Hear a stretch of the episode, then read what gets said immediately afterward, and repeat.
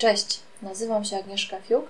Zapraszam Was na drugi odcinek mojego podcastu, w którym opowiem o sprawach, których możesz jeszcze nie wiedzieć o blogowaniu. Ponieważ nie wszyscy mnie znają, w kilku słowach przybliżę Wam swoją osobę. Od 2005 roku jestem związana z branżą internetową. Zaczynałam zakładając internetowy sklep plastyczny dla dzieciaków. Sklep się rozwijał, ja się uczyłam nowych rzeczy, no ale po kilku latach sprzedałam sklep, żeby uczyć się jeszcze nowych rzeczy, do których w małym biznesie nie miałam dostępu. Podpisałam cyrograf z Diabłem i poszłam pracować do korporacji w jednym z najczęściej nagradzanych sklepów internetowych w branży telekomunikacyjnej, w którym spędziłam blisko 6 lat. E, o korporacjach krąży wiele opinii, zarówno tych dobrych, jak i tych złych. Fajne na pewno jest to, że ma się dostęp do wielu narzędzi, z którymi w małym biznesie nie mamy do czynienia. E, ma się też oczywiście na czas kasę, to jest bardzo duży plus. Natomiast minusem jest praca po godzinach, jest stres, są nieżyciowe terminy na realizację projektów itd. Tak Generalnie jest coś za coś. Ja w każdym bądź razie doznałam jednego i drugiego, w zamian wyciągając jak najwięcej dla siebie. Nauczyłam się tam mnóstwa nowych rzeczy, więc nie narzekam. E, a teraz postanowiłam podzielić się z Wami swoim doświadczeniem i swoją wiedzą. E, prowadzę blog pod adresem agnieszkafiuk.pl, na którym udzielam porad dla początkujących i nie tylko, dla blogerów, również nie tylko. Stworzyłam również internetowy kurs o tym, jak założyć bloga lub własną stronę internetową w ciągu 7 dni. Kiedy zaczynałam pisać swoje pierwsze blogi, o których opowiadam w pierwszym odcinku podcastu, nie wiedziałam ani od czego zacząć, ani co jest najważniejsze. Dziś z perspektywy czasu już wiem, że warto już na samym początku określić swój cel. Cel, do jakiego dążymy, który chcemy osiągnąć. Dla jednych celem może być zdobycie tysiąca fanów na Facebooku, dla kogoś innego tysiąc czytelników dziennie to jest super. Ktoś inny chce zacząć zarabiać na blogu, jeszcze ktoś inny dzięki blogowi chce stać się sławnym, występować w telewizji, być zapraszanym na rauty, brylować na ściankach, pisać własne książki itd. Tak itd. Tak Każdy z nas dąży do obranego na początku drogi celu. Dobrze mieć ten cel. Jak go określić? Najlepiej zastanowić się nad nim jeszcze zanim zaczniemy pisać, zanim zaczniemy nagrywać, zanim zaczniemy gotować, czy też filmować. Mm, w określaniu celu przydatny jest stary, dobry i znany większości z Was, choćby ze słyszenia, mam nadzieję, biznesplan. Y, w większości biznesplan kojarzy się ze staraniem się o kredyt albo jakieś dotacje, ale tak naprawdę można go swobodnie wykorzystywać w różnych, y, w różnych sprawach, między innymi właśnie podczas y, pomysłu, ogarniania pomysłu do pisania własnego bloga. Zresztą szerzej na temat samego biznesplanu yy, opowiadałam yy, właśnie w pierwszym odcinku podcastu, do którego yy, gorąco Was y, odsyłam. To jest taka pierwsza część. Dobrze jest również już na samym wstępie określić sobie naszego odbiorcę, żebyśmy wiedzieli, dla kogo tworzymy. Mm, możemy wyobrazić sobie, jak wygląda ten nasz czytelnik, wczuć się w jego rolę, wyobrazić sobie, co lubi, jakie ma zainteresowania, co sprawiło, że do nas trafił. E, no ja wiem, że ten nasz blog, który prowadzimy jest super, jedyny w swoim rodzaju i te treści, które mamy do zaoferowania są świetne, ale nie oszukujmy się, e, no, najprawdopodobniej trafił przypadkiem. Pytanie, czy do, nie, do nas wróci. Najlepiej byłoby, gdyby do nas wracał. No w każdym bądź razie, wracając... Yy, na ziemię, ten sposób, o którym opowiedziałam, to jest budowanie persony. Mm, powszechnie używane narzędzie w marketingu, pomagające zwizualizować sobie naszych odbiorców, bo o tym, że są to użytkownicy internetu, to wiemy. O tym, że są to rodzice posiadający dzieci, to też wiemy. Natomiast jest to dla nas za mało. Zbudujcie sobie takich, kilka takich person, nadajcie im imiona, jakieś cechy osobowości, takie, jakie powinien mieć Wasz odbiorca, to naprawdę bardzo pomaga stworzyć sobie taką grupę e, ludzi na papierze, do których, e, dla których tworzycie i ułatwia, bardzo ułatwia to pracę później nad swoimi, nad, nad swoim blogiem, nad swoimi wpisami, filmami itd. Tak Kiedy mamy już wytyczony cel i wiemy, dla kogo piszemy, trzeba zastanowić się nad kontentem, który będziemy publikować na blogu. I nie myślę tutaj o tym, czy to są filmy, jakieś zdjęcia, wpisy, czy, czy cokolwiek. Natomiast mam bardziej na myśli sam sposób przygotowania tego materiału. Nie wiem, czy zauważyliście, ale ostatnio najczęściej publikowanym i najczęściej czytanym typem treści jest typ, który zawiera więcej obrazków, mniej takiego słowa pisanego. Generalnie im więcej obrazków, tym lepiej. Im bardziej tak tabloidowo, gazetowo, tym lepiej. Do tego dokładamy jeszcze chwytliwe nagłówki, napisane na takiej zasadzie prawdy objawionej, sugerujące nie, naszą nieomylność jako autora w danym zakresie, nagłówki, które obiecują czytelnikowi rozwiązanie jego problemów. No i do tego wszystkiego trzeba jeszcze dołożyć e, to, że powinniśmy być szczerzy. Bo słabo by było, gdyby się okazało, że piszecie o zdrowym żywieniu, lansując taki styl życia, a sami, kiedy nikt nie widzi, zażywacie się chipsami i opijacie piwskiem w pubie.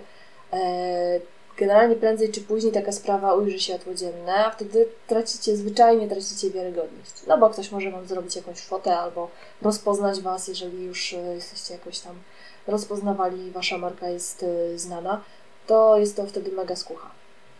Mm, całość tego kontentu dopełnia jeszcze szablon bloga, E, Im lżejszy, im czytelniejszy, tym lepszy wybór.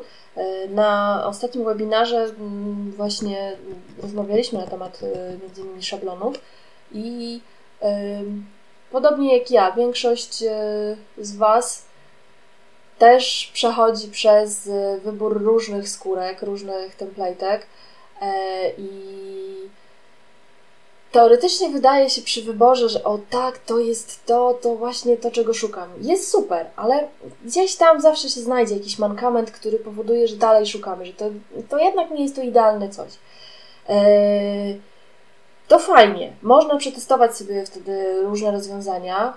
Eee, są zdania podzielone, jeżeli chodzi o korzystanie z tych dostępnych darmowych y, skórek. Ja też do nich nie mam przekonania, bo o ile E, te całkiem darmowe, które nie wymagają jakiegoś update'u,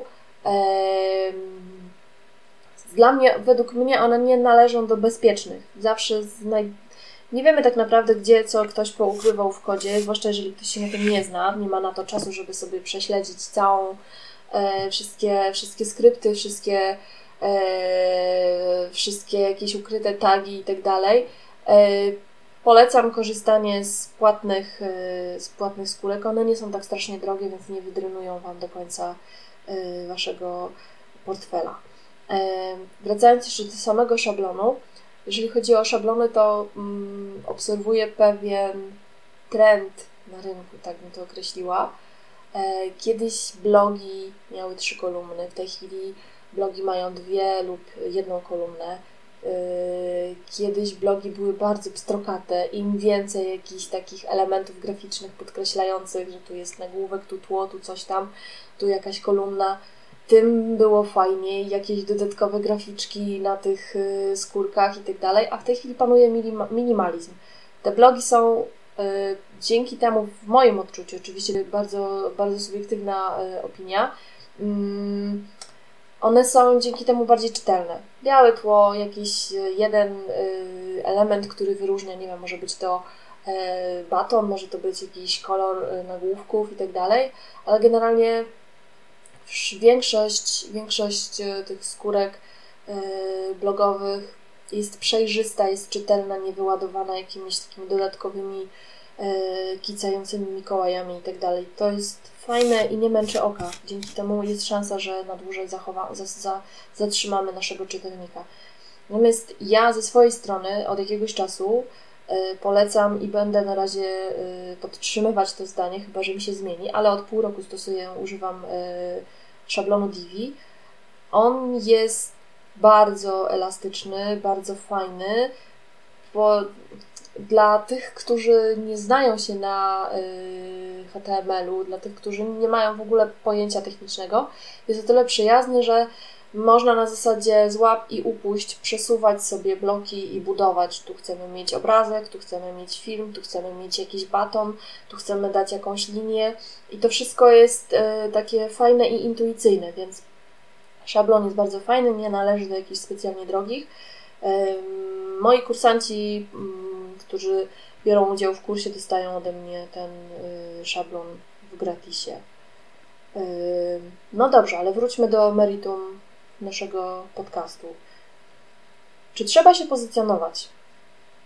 Bez tego nikt nas nie znajdzie. Nikt nie będzie wiedział, że ten nasz blog istnieje, a my tworzymy jakąś fajną, ciekawą treść. Samo pozycjonowanie to generalnie dość złożona sprawa i ja obiecuję przygotować albo specjalny webinar, albo jakiś tutorial, ewentualnie jakieś szkolenie. Znaczy, generalnie myślę nad takim szkoleniem, ale to jeszcze pieśń przyszłości. Na razie może jakiś y, krótki webinar w tym temacie, o którym na pewno powiem wcześniej. Mm, natomiast wydaje mi się, że ktoś nie, kompletnie niewtajemniczony powinien zacząć od takich podstaw, podstawy podstaw. Y, I osobom, które mają bloga na WordPressie, bo generalnie skupiam się na WordPressowych blogach, polecam wtyczkę Yoast SEO. Jest jeszcze jedna wtyczka, y, Jetpack, ona jest również fajna. Ja ją kiedyś jej używałam, ale nie przekonała mnie do siebie. Natomiast od ponad roku korzystam z Yoasta i z tej wtyczki jestem bardzo zadowolona, więc mogę ją z czystym sumieniem polecić. Generalnie one obie są do siebie bardzo podobne. E, różnią się niewielkimi szczegółami. Może sobie najpierw wypróbujcie je obie, natomiast ja e, polecam właśnie Yoast.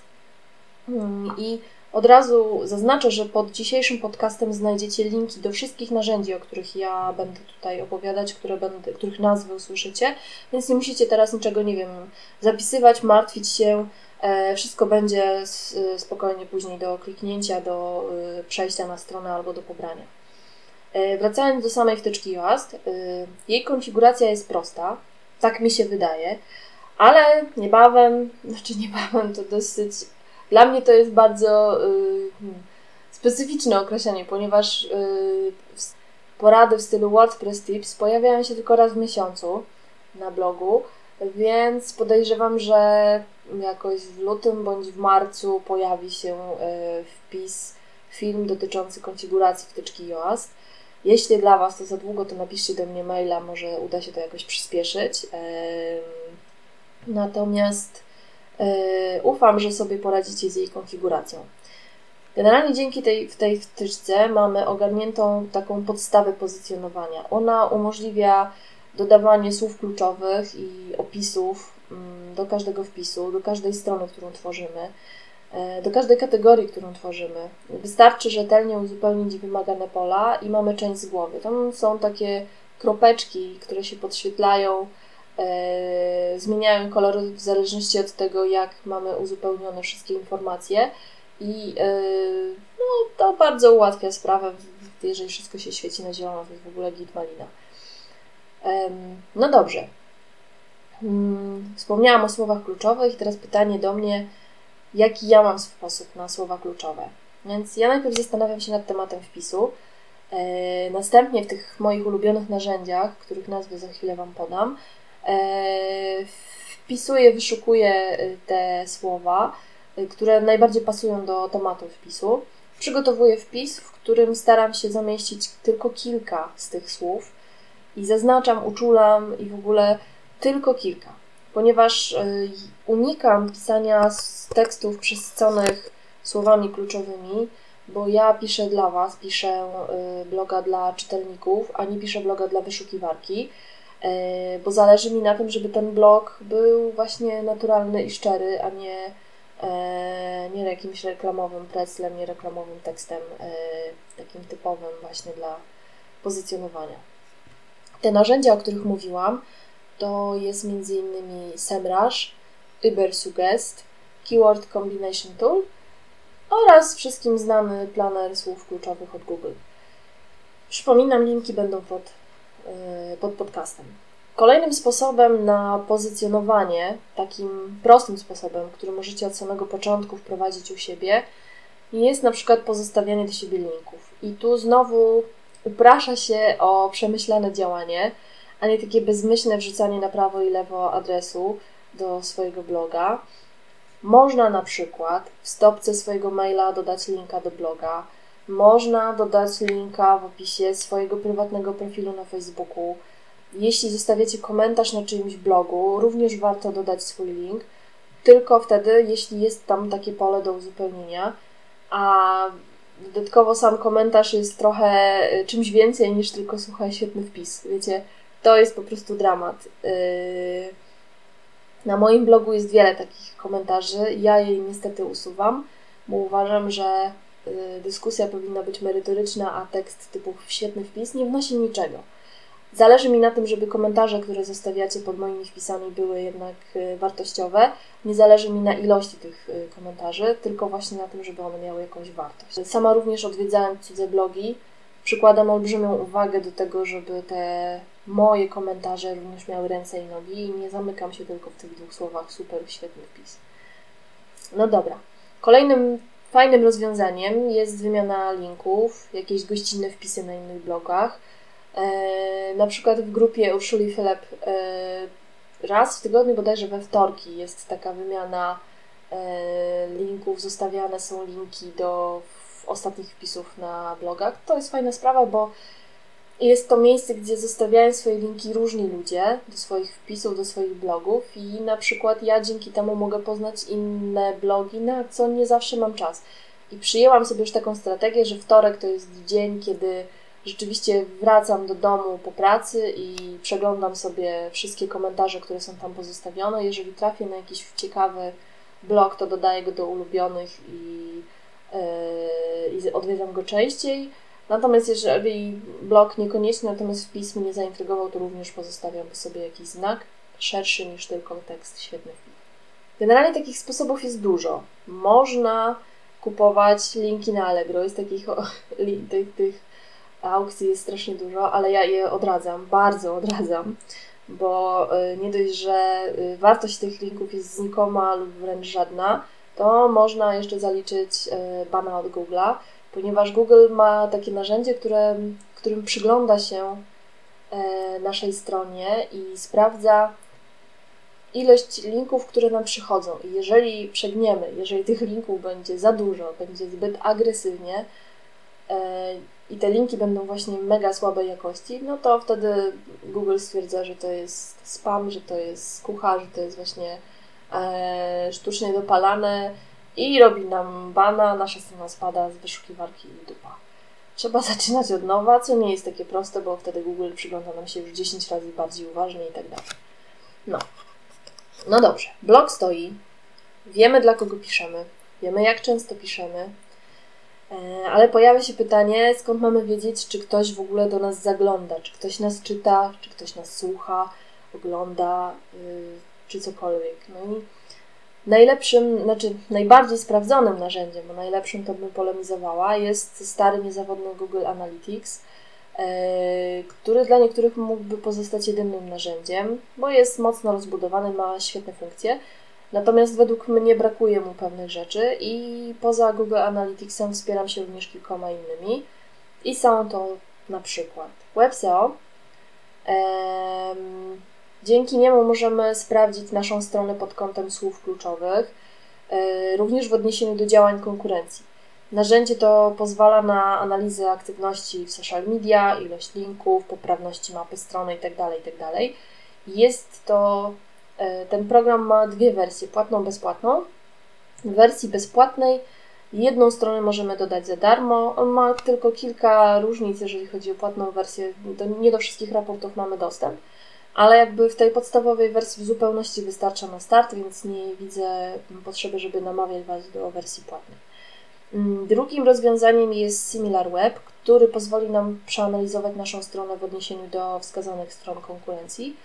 E, I to narzędzie mm, polega na tym, że wpisujemy w jednym okienku swoją stronę, w drugim stronę konkurencji i dostajemy taki bardzo zwięzły, krótki raport na temat tego, e, jaką ilość odwiedzin zaliczyłaś Ty i zaliczył Twój konkurent. Jest to narzędzie, które nam powie o tym, jaki jest e, ranking, globalny ranking naszej strony, dowiemy się, jak wyglądał ruch y, na stronie naszej i na stronie konkurencji. Y, możemy się dowiedzieć jakieś źródło odwiedzin. Co jeszcze? Możemy się dowiedzieć jakiś współczynnik odrzuceń, odrzuceń naszej strony i strony y, konkurencji. Te informacje dostajemy zawsze za, tylko za jeden miesiąc wstecz. Można sobie taki raport y, wciągnąć, wyciągnąć jako PDF i nie wiem, stosować jakąś analizę, y, co kto lubi, czym się kto lubi zajmować, y, żeby zobaczyć, jaki jest wzrost, czy generujemy wzrosty, czy spadki.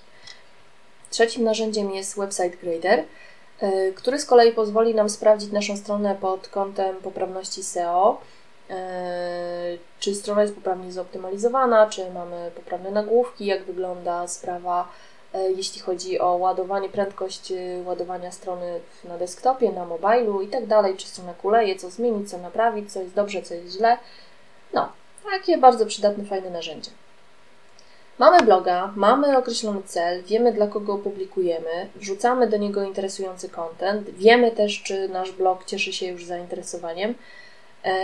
Co nam pozostaje? Pozostaje nam śledzenie trendów, sprawdzanie, co w trawie piszczy, zarówno w sferze blogowej oraz w sferze takiego marketingu, żebyśmy nie zostali w tyle, żebyśmy wiedzieli, jakie chwyty y, stosują firmy, więc niektóre z nich możemy sami pod, podłapać, żeby się promować, żebyśmy znajdowali, docierali do jak największej liczby od, y, czytelników, odwiedzających.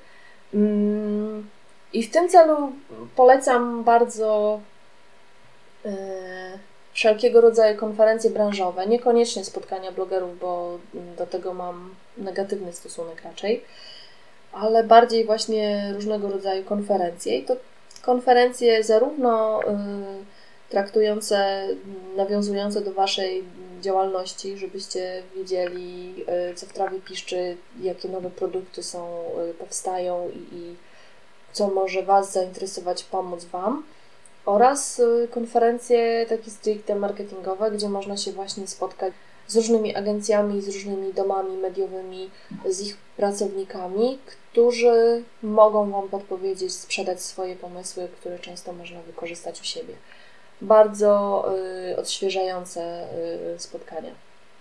Warto również śledzić zagraniczne blogi, bo nie ukrywajmy, większość trendów przychodzi właśnie z zagranicy, przywiewa do nas zachodni wiatr, więc e, dobrze jest wiedzieć, e, co dzieje się na zachodzie, bo prędzej czy później te wszystkie nowości dotrą do nas. Z mniejszym lub większym opóźnieniem, ale większość tych wszystkich rozwiązań w końcu pojawia się również u nas.